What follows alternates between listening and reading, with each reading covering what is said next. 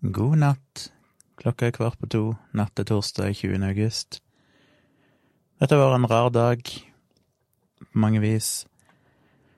Sto opp med Kyla, og som det er om morgenen, så blir jeg sittende litt med en kopp kaffe, se litt på YouTube mens Kyla herjer rundt i stua. Som jeg egentlig koser meg med. Det er en litt sånn deilig fri, eh, fri eh, periode på morgenen. Så lagde jeg kaffe til Tone, og gikk inn og vekte henne litt seinere. Og så gikk jeg inn for å jobbe på kontoret mitt her. Og så reiste Tone, ikke så veldig lenge etterpå, ned til byen, for hun skulle treffe ei venninne, hadde med seg Kyla. Og der ble hun i Hvor lenge ble hun? Seks-sju timer. Så da var jeg her aleine lenge, jobba ei stund, gikk ut og tok meg en pause for å spise litt, se litt på YouTube. Gikk inn igjen og jobba litt, og så møtte jeg litt veggen fordi jeg um, måtte vente, eller vente fortsatt, på noe svar fra noen kunder før jeg kan jobbe videre med et eller annet. Så jeg gikk inn i stua igjen, satte meg ned, så litt YouTube, og egentlig nøyd av å være aleine. Meg og Tone har jo basically vært limt sammen 24 eh, timer i døgnet i ganske mange måneder nå, som jo går veldig greit men det er litt deilig å bare av og til være litt aleine. Så jeg koser meg med å bare sitte i stua og se på YouTube, og så er det jo sånn at av og til så må en bare ligge litt på gulvet. Det er bare et eller annet med Jeg er en person som alltid har ligget på gulvet veldig mye. Da jeg var liten, så var det alltid en ting folk på en måte la merke til, at jeg likte å ligge på gulvet. Det var liksom greia mi. Og når, jeg, når vi hadde gjester, mamma de hadde ofte kaffebesøk, og da likte jeg å ligge under stuebordet og bare høre på de voksne prate. Alltid bare likt å ligge på gulvet. Og jeg er så varmblodig at det skal ikke så mye til for jeg syns det blir varmt, nesten uansett. Og da er det et eller annet deilig kjølende med å bare legge seg ned på gulvet, som ofte er litt kaldt. Og det er kjøligere der nede. Så selv om jeg eh, var helt aleine for meg sjøl, så måtte jeg bare legge meg litt på gulvet og se på TV, og så sovna jeg på gulvet. Så jeg ble liggende og sove der litt. Og så våkna jeg opp igjen litt seinere og så litt mer på YouTube. Og så til slutt kom Tone hjem. Ja, så har vi sett litt på TV og spist og litt sånne ting. Så egentlig så burde det være en dag jeg hadde kost meg med, fått jobba en del, men jeg har jo hatt en del alenetid og bare chilla. Men så er det jo den samvittigheten da overfor at uh, det er så mye jeg kunne gjort. I dag var jo første dagen på lenge der jeg egentlig hadde noen timer alene, der jeg kunne ha lagd en video eller skrevet en bloggpost eller gjort et eller annet produktivt.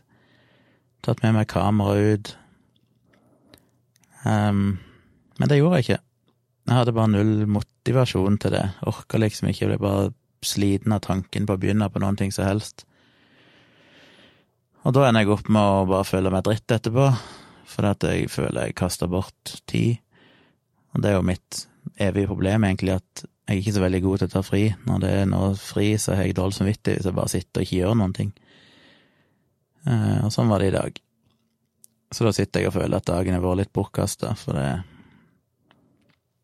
kunne gjort noe mer produktivt. Og ute og gikk en tur, i det minste.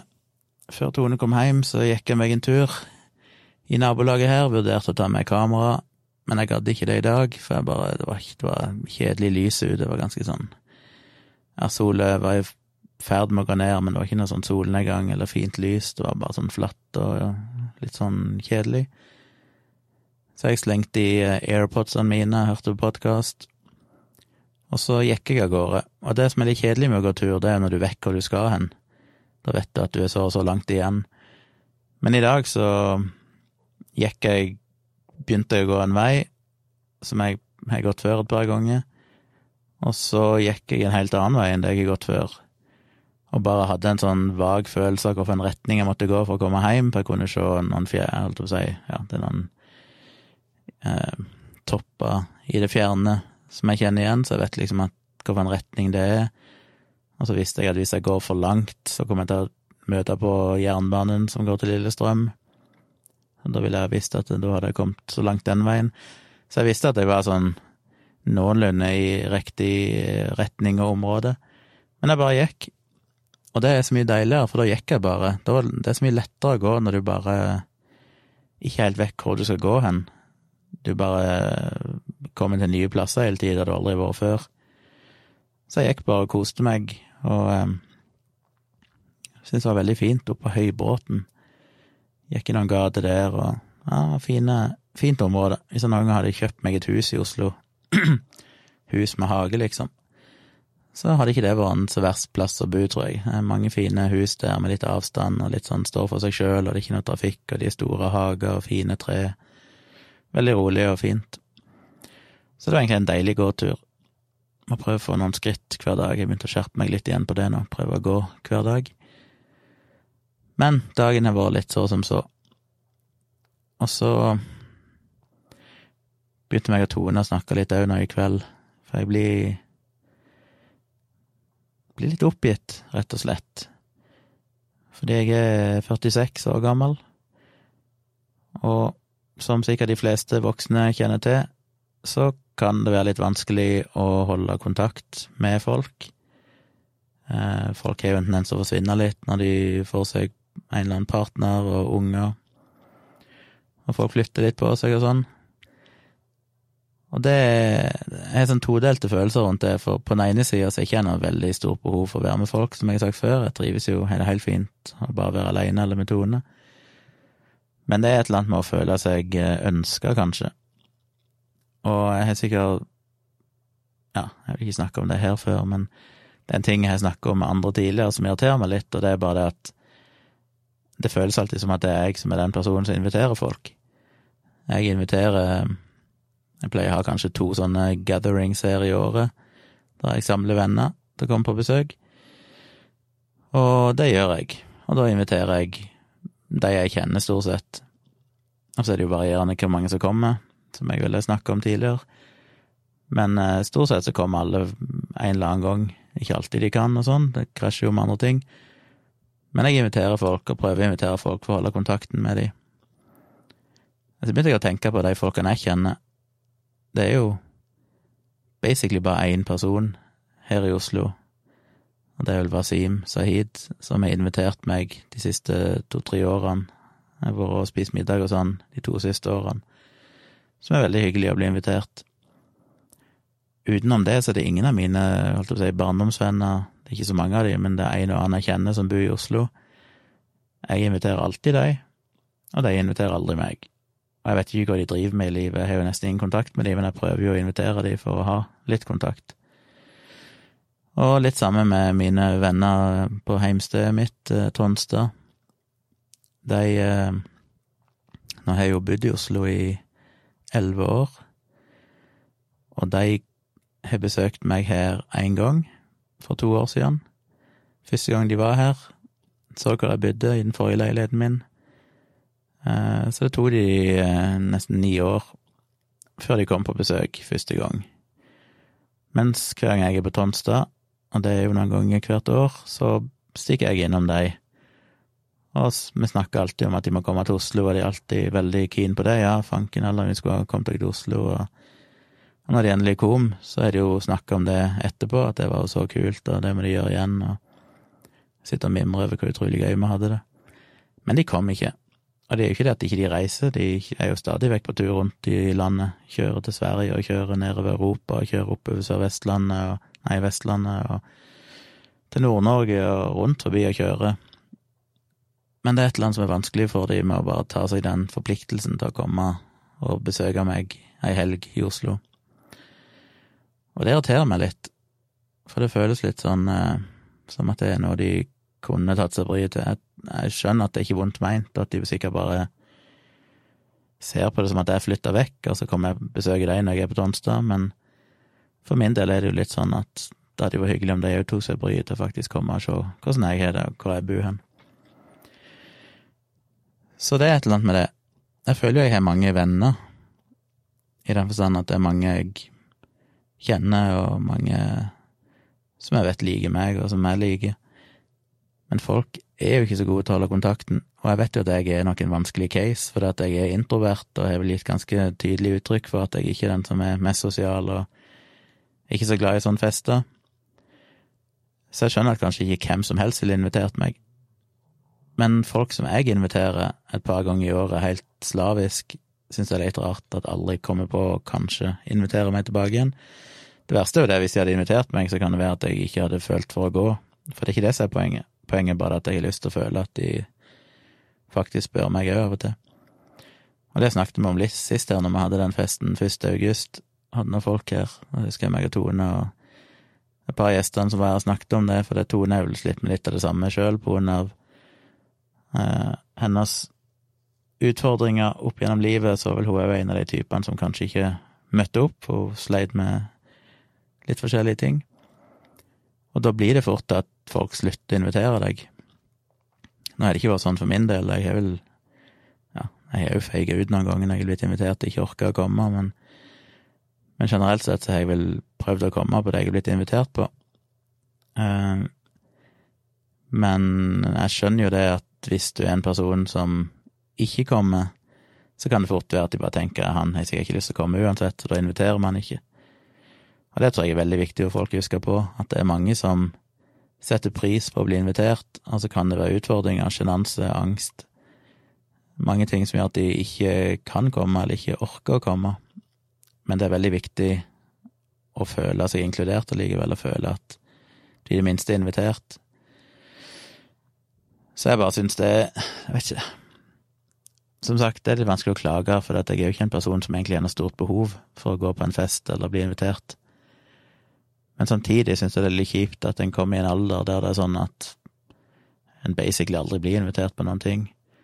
Det eneste jeg har blitt invitert på siste året, eller de siste to årene, er som sagt Wasim har invitert meg et par ganger. Og så var det de et par nye venner som jeg vel snakket om, som jeg og Tone var besøkte. Men det var jo nye folk som var besøkte for første gang. Så bare, det bare føles som at det alltid er jeg som tar initiativ. Sånn har det vært når dattera mi er i Oslo òg. Så jeg har jo prøvd å finne folk hun kan være med. Jeg har hatt venninner som har unger, som har kommet godt overens med dattera mi. Og hver gang hun kommer, så prøver jeg å sende en melding og si hei, Maja kom i helg, har dere lyst til å treffe oss eller komme på besøk, eller Og av og til så klaffer det, av og til klaffer det ikke, det er greit nok. Men det skjer jo aldri at de noen gang sender en melding til meg og spør når de kommer Maja, har dere lyst til å komme på besøk? Og det er jo litt med at jeg har en tendens til å bli venner med folk som er veldig usosiale og introverte i utgangspunktet. Sånn at det er jo ikke den letteste gruppa å forholde seg til, for det er jo folk som kanskje ikke faller så naturlig å være den som tar initiativ, og de er glad for at jeg gjør det. Og sier av og til ifra om det òg, at liksom, ja, jeg er så flink til å ta initiativ og flink til å, å passe på å liksom invitere, og de på en måte er klar over at de ikke er så flinke til det sjøl. Men det er kjipt, for det er litt sånn med dattera mi, da, når, jeg har spurt tre ganger på rad, og det ikke passer fordi deres unge ikke skal være der den helga, eller noe sånt, som er helt selvfølgelig legitime unnskyldninger, men det føles fortsatt som at neste gang jeg spør, da, så føles det som masing. Det vært greit om de, da, på en måte, etter jeg hadde spurt tre ganger, og det ikke passa, kanskje tok initiativet. Så det er bare Jeg vet ikke, vet ikke hva jeg egentlig vil med dette, men uh, det bare slår meg at eh, hvis ikke jeg hadde tatt initiativet til å treffe disse folkene, så hadde jeg jo basically bare levd her for meg sjøl, med Tone, og aldri sett noen. Fordi det er jo åpenbart alle andre har sine egne liv og driver med sine ting. Men eh, ja. Det sånn er det. Det er mulig jeg bare finner meg nye venner.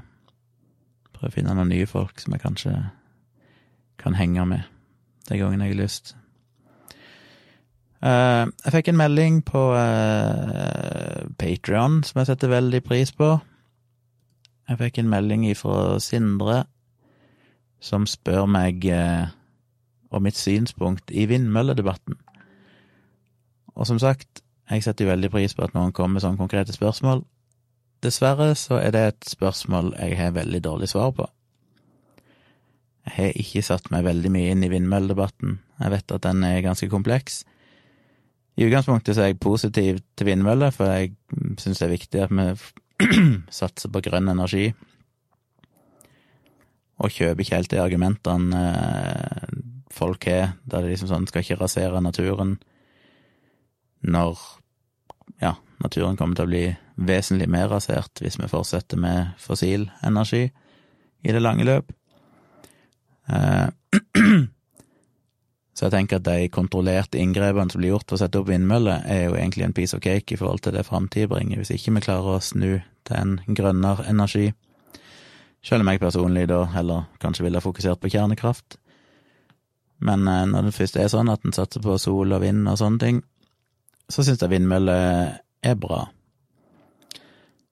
Nå har de jeg har følt det litt på kroppen òg, for det er som sagt min hjemkommune, Sirdal, eller rundt Tonstad. Så ble det jo i, helt nylig, nå i fjor, vel, forfjor begynte de, ja, de begynte for en stund siden, men i fjor tror jeg det var ferdig. Der har de fått opp en del vindmøller oppe i eh, daler og fjell. Og for det første så må jeg si, herregud, så svære de er. Vi pleier jo av og til å ta toget fra Oslo til Jyland stasjon, som er en bitte liten stasjon, en halvtime fra Tonstad. Sånn eh, midt mellom Kristiansand og Stavanger, omtrent. Og når du kjører i Forgyland mot Tonstad, så kommer du der, og så plutselig så ser du bare noen sånne rotorblader som stikker opp over fjell. Og det virker helt surrealistisk. Det er nesten som du føler at det er sånn Transformers-film. For dette er høye fjell, og allikevel så stikker der opp fuckings svære, gigantiske Altså, de er så svære at du kan jo nesten ikke tenke deg det. Jeg husker når vi drev og bygde de, så lå de langs veien, for de hadde jo en lang installasjonsprosess. Og når jeg kjørte forbi de mens de fortsatt lå der på et sånn gigantisk område de flata ut for å oppbevare disse vindmøllene, bare så de rotorbladene, det er jo ja, jeg vet ikke hvor størrelsen er, men det er bare det er så mye større enn det folk tror. Så jeg skjønner jo at det er på en måte veldig skjemmende, for det er jo ikke akkurat diskré, selv om du setter de bak et fjell, så stikker de jo fuckings opp på andre sida av fjellet. Um, men samtidig så syns jeg jo det er noe kult med det. Jeg er jo en sånn fyr som ikke nødvendigvis syns at uberørt natur er det fineste, og jeg liker at ting er moderne. Jeg er jo sånn som elsker Barcode-bygningene i Oslo, og vil gjerne at de river alt det gamle og bare slenger opp nye skyskrapere og sånn. Kjør på, sier jeg. Eh, ikke noe sånn nostalgisk forhold til gammel arkitektur. Og litt sånn er det med naturen òg. Jeg syns at jeg skjønner det, hvis du vil ha uberørt natur, så skjemmer de. Men samtidig er det jo jækla kult. De ser jo så fancy ut. Og uberørt natur er det jo nok av. Kan jo bare snu deg 180 grader, så det er masse kilometervis med uberørt natur, selv om akkurat på den ene, i den ene synsretningen så er det vindmøller i et begrenset område. Så for meg så er ikke det noe eh, big deal, selv om jeg kan forstå at selvfølgelig hvis du vil ha uberørt natur, så er jo vindmøller et ganske betydelig inngrep. Samtidig så vi jo, blir vi jo litt eh, bedøva for den verden vi lever i, for Sirdal er jo en kraftkommune. Sira Kvina kraftselskap, Norges, et av de store kraftselskapene i Norge. Og Sirdal har jo forandra seg vesentlig stort sett til det gode sånn økonomisk. Jeg mener Sirdal gikk jo fra å være en fattig kommune til å bli en av Norges rikeste kommuner når de begynte å bygge ut dette på 60-tallet. Eh, så det har vært en enorm boost for Sirdal som kommune og for folkene som bor der, rent økonomisk. Men den elva som hele Det er jo to elver som renner hver, i hver sin dal. Elva Sira og elva Kvina Sira renner jo gjennom Sirdal, og Kvina renner gjennom Kvinesdal. Og de to har jo blitt lagt i, delvis i røyr og, og blir kjørt gjennom kraftverk for å generere energi. Som jo gjør at disse elvene har gått ifra å være svære elver med mektige fossefall til å bli ganske tafatte, små, puslete elver med masse sånne terskler nedover for å prøve å opprettholde vannstanden enkelte plasser. Og så er det jo forandra selvfølgelig naturen ekstremt, pluss at det er demninger rundt forbi og sånne ting, og kraftlinjer overalt i fjellene. Så hadde de skulle bygd det i dag, i 2020, så hadde jeg nok skjønt protestene. Fordi det er jo et ekstremt mye større inngrep enn noen vindmøller på et veldig geografisk begrenset område. Men hele kraftindustrien er det vel ingen som tenker på nå, for det ble jo gjort på 60-tallet, og folk har bare vent seg til at det er jo sånn Sirdal ser ut, der er kraftlinjer overalt, og elva er sånn som den er. De fleste som bor der, har jo aldri sett noe annet enn det som er der nå. Så jeg tenker jo det er litt sånn med vindmøller òg, at det blir fort glemt på en måte, at det blir bare en del av det som er naturlig. Det er sånn det er. Sånn alltid har vært. Men så er det jo et mer komplisert aspekt, og det er jo det økonomiske aspektet med hvem som faktisk eier vindmøllene, og hvor pengene går. Og det kan jeg altfor lite om. Jeg vet at det er kontroverser. De vindmøllene som er satt opp i Sirdal, er vel ikke eid av noen, så vidt jeg vet, som holder til der. Sånn at det er basically utenlandske selskaper, tror jeg, som eh, ender opp med å sende pengene ut av landet, og det andre som egentlig høster godene av at vi raserer, i gåseøyne, naturen i Sirdal. Jeg kan for lite om det, jeg vet ikke akkurat hvordan det henger sammen, men jeg vet at det er momenter der som jeg skjønner er problematiske. At naturen på en måte er vår eiendom, og raserer vi den, så skal pengene gå til lokalsamfunnet. Og det gjorde de jo i stor grad med Sirkvina. Sirdal kommune får jo vesentlige inntekter eh, ifra kraftselskapet, selv om kraftselskapet tjener enorme summer.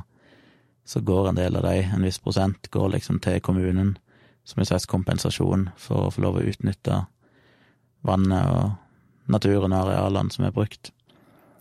Og jeg vet ikke hvilken grad det gjelder for vindmøllene, så vidt jeg skjønte, så er det ikke helt på samme viset der, og det er vel det mange irriterer seg over. Så er det jo andre aspekter med natur og fugledød og alt mulig sånn, som jeg kanskje har litt mindre sympati for, for i det store bildet så er det vel neppe det som er den store trusselen. Og igjen, hvis ikke vi gjør noe med klimaproblemene og sånn, så vil det uansett bli mye verre. Så så kan en selvfølgelig diskutere nyanser som hvor de skal settes opp, og det kan være diskusjoner om kanskje de burde stått et annet sted, og ditten og datten, og det blir jo på en måte selvfølgelig ting fagfolk burde diskutere og prøve å gjøre best mulig, men gitt at de står der de står, så får en bare ta det for det det er. Så det er egentlig mitt innspill i vindmølledebatten, fordi jeg vet for lite om det økonomiske aspektet og ikke interesserer meg sånn supermye for det heller, så jeg har ikke noen sånn fryktelig sterke meninger om akkurat det.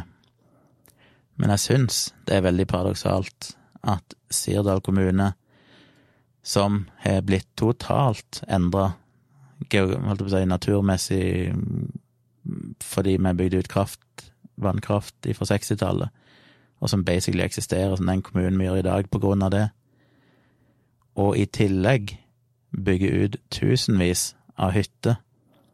Det er vel rundt 700 faste husstander i Sirdal, men det er jo rundt 5000 hytter som rike rogalendinger sånn driver og kjøper og bygger, og folk blir millionærer i Sirdal for de selger unna eiendom til hyttebygging.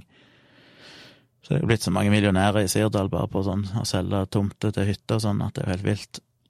Men det er ganske ironisk at eh, det skal være lov å bygge 5000 hytter oppe i fjellet.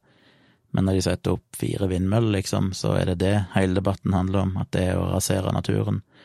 Det er det mest idiotiske jeg kan tenke meg, for stopp hyttebygginga først, så skal jeg kanskje lytte til de som mener at eh, disse vindmøllene raserer naturen.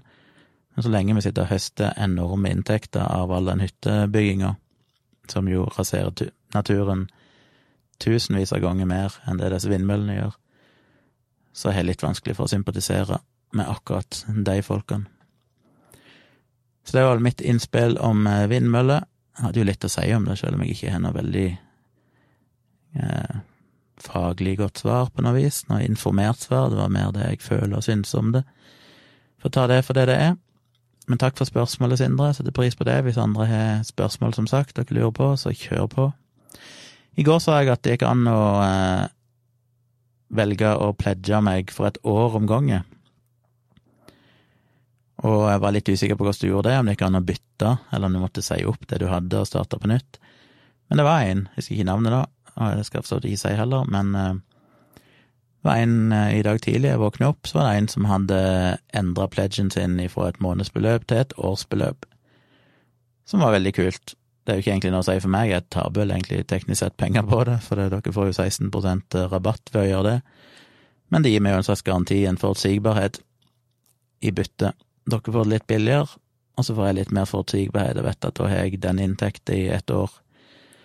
Så det var jo på en måte like gøy at noen hadde følt det for det. Det føles jo òg sånn rent psykologisk som en større støtte, i den forstand at det er noen som virkelig eh, forplikter seg, sier at dette er ikke bare noe jeg har lyst til å gjøre i et par måneder for å se hva det er, men jeg vil faktisk støtte denne tjomlien et helt år. Så ble jeg òg ringt opp av en journalist i dag, ifra VG,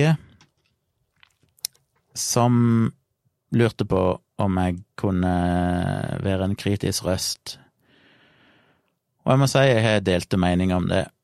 Det var en journalist som driver og jobber med et portrett av Michael Winger, denne såkalte klarsynte som driver og finner døde personer og sånn. Og så trengte de da en kritisk motstemme. Så jeg svarte nå først på litt spørsmål, jeg har jo blogga en del om Michael Winger og sånn, uttalt meg tidligere. Eh, men så begynte vi å snakke litt, meg og journalisten, på telefonen etterpå, og gikk litt over på andre ting, og da spurte jeg ja, hvorfor skriver dere et portrett om han nå, skjer det noe spesielt? Og så var det bare nei, han skulle, skulle være med i Åndenes makt i ny sesong Åndenes makt, eller sånn, og, og, og da visste de at det var noe folk var interessert i. Så sa jeg rett ut at jeg syns jo det er trist at dere skriver et portrett av han, for hvorfor i all verden gjør dere det? Han er jo en sjarlatan, og det er synd at avisene skal gi han den medieoppmerksomheten når han bare bruker det til å basically svindle mennesker.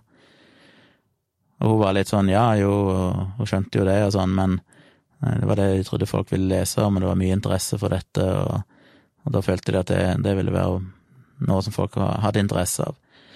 Og allerede der så blir jo jeg oppgitt, for det er litt sånn, ja, jeg skjønner at avisene skal overleve, men det er jo trist at at det blir litt sånn hvis folk vil ha det, så gi, gi meg det til de, uavhengig av om om det er bullshit. Jeg mener, VG har jo pryda seg så med at de var kritiske mot Svein Magne Peter, Pedersen, og hadde en serie med kritiske artikler om denne healeren fra Hægeland eller Vennesla eh, som hevder å kunne helbrede kreft og alt mulig rart.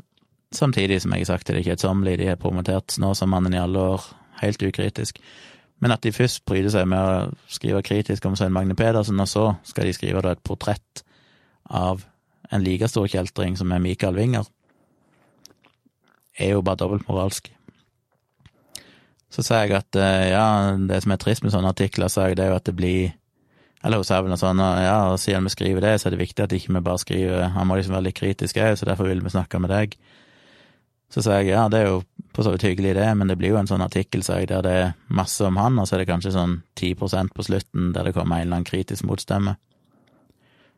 Og så sa hun det bare rett ut, sa hun ja, det er jo det er jo det, det blir, sa hun. Det er sånn det er, det er helt rett. Så det er jo et eller annet med det òg, ikke sant, at det, det blir sånn, de skal lage et portrett av han, og de har egentlig ingen interesse av å være kritiske, de vil egentlig bare skrive det portrettet, men på grunn av sin journalistiske integritet så må de på en måte ha en slags balanse, så de må finne en eller annen som kan si noe kritisk, bare for å ha det med, om det så bare er en liten faktaboks, holdt jeg på å si.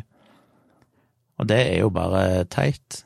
Jeg mener, hadde de skrevet en kritisk artikkel om han, basert for eksempel på bloggpostene mine der jeg avkledd han ganske grundig, så hadde det jo vært interessant, men det er jo ikke det de gjør, de promoterer han. De gir han basically gratis reklame, så han kan fortsette med svindelen sin, og bare sånn for syns skyld så er de med en skeptiker. Så jeg er jo litt sånn delte meninger, det er sånn bør jeg bare si nei til å uttale meg, og bare si at jeg vil ikke være med på. Men jeg føler ikke jeg er noen vinner på det heller, for da, ja, enten så spør de noen andre som jeg føler kanskje ikke kan så mye om saken som det jeg kan, som har satt meg en del inn i det, eller så kan jo i verste fall da hvis ingen skeptikere stiller opp, så blir det jo en ukritisk artikkel totalt. Så jeg føler jeg har litt ansvar for å uttale meg når de spør, men det er jo trist at det blir sånn at de må bare ha en kritisk stemme bare for å ha det. Så det var derfor interessant, jeg sa jo ganske tydelig fra om hva jeg mente om det. Eh, men jeg skal få en sitatsjekk på det etter hvert, og så blir det vel en artikkel i VG. Og når den kommer, så kommer jeg jo sikkert til å skrive en liten rant om det på Facebook eller i bloggen min eller et eller annet og si litt av det samme. Hvor trist og dobbeltmoralsk jeg synes det er av VG å drive på på den måten.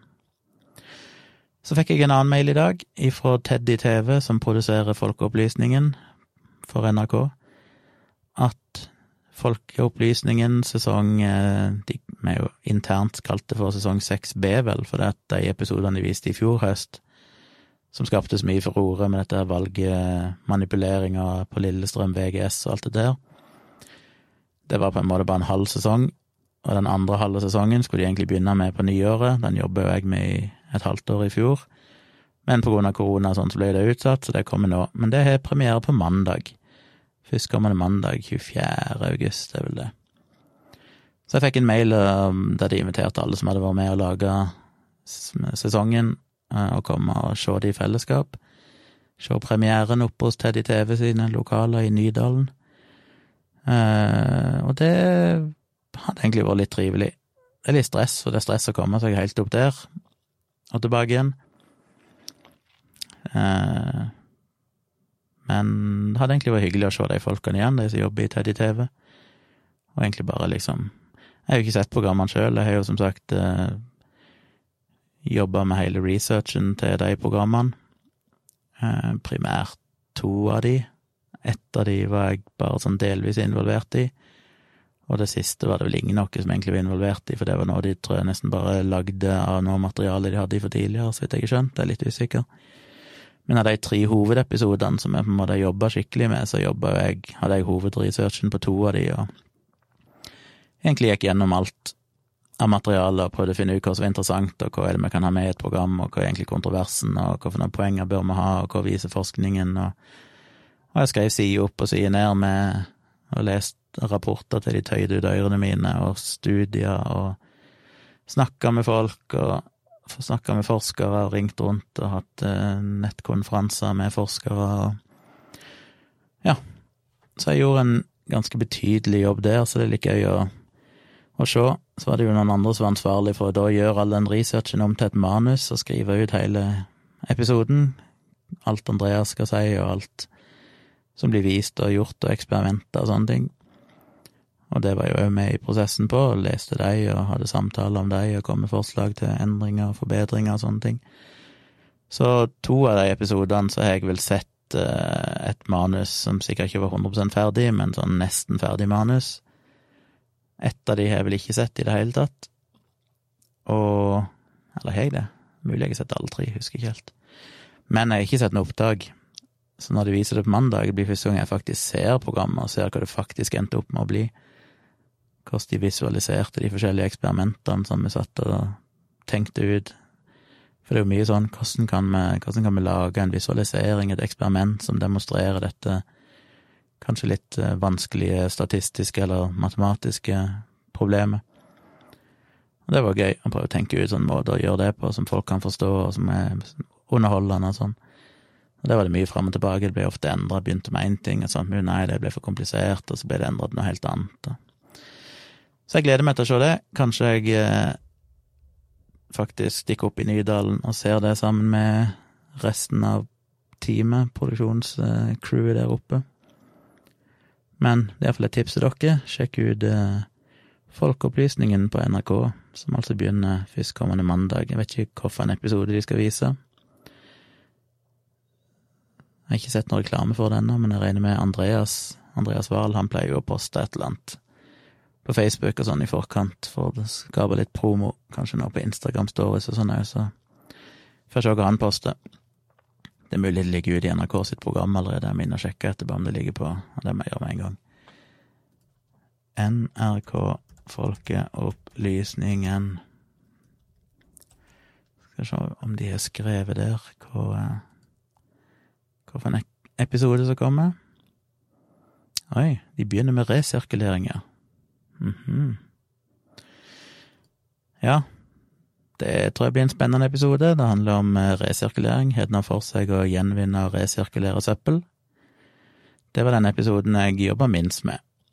Der var det ei Anei som de hadde leid inn, som tok mesteparten av researchen der, men jeg var jo med på en del møter og prata mye om det med henne og jobba litt med manuset, kom med innspill.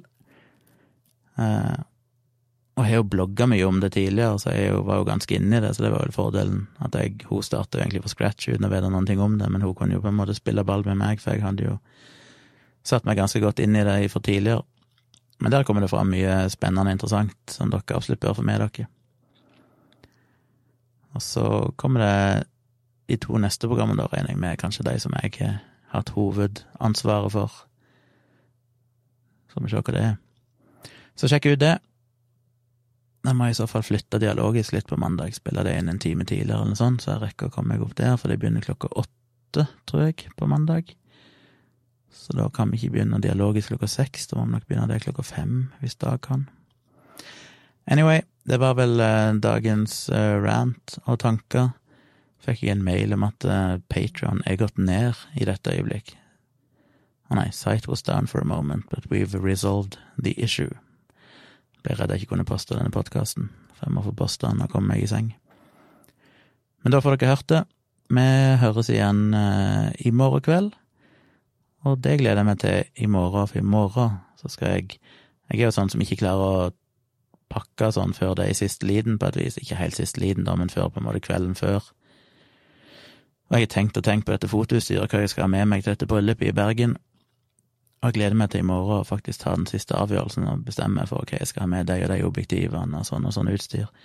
For alt må som sagt pakkes i én sekk, og dermed få plass til toalettsag og klesskift og, og alt, og de er meldt pøsregn i Bergen på fredag. Så jeg må sjekke litt hva jeg skal ha med meg, om jeg må ha med meg regnjakke, eller om jeg skal bare grabbe en paraply fra hotellet. Litt usikker på hvordan jeg håndterer det. Jeg må finne ut av det før jeg reiser. Jeg har jo ikke noe plass til å ha regntøy og sånne ting, for jeg må jo ha i sekken min. Så jeg får se hvordan det blir. Men dere hører en rapport i morgen, og så igjen på lørdag når jeg kommer tilbake igjen, for å høre hvordan det gikk i dette bryllupet. Så takk for støtten, takk for at dere hører på, og så snakkes vi igjen.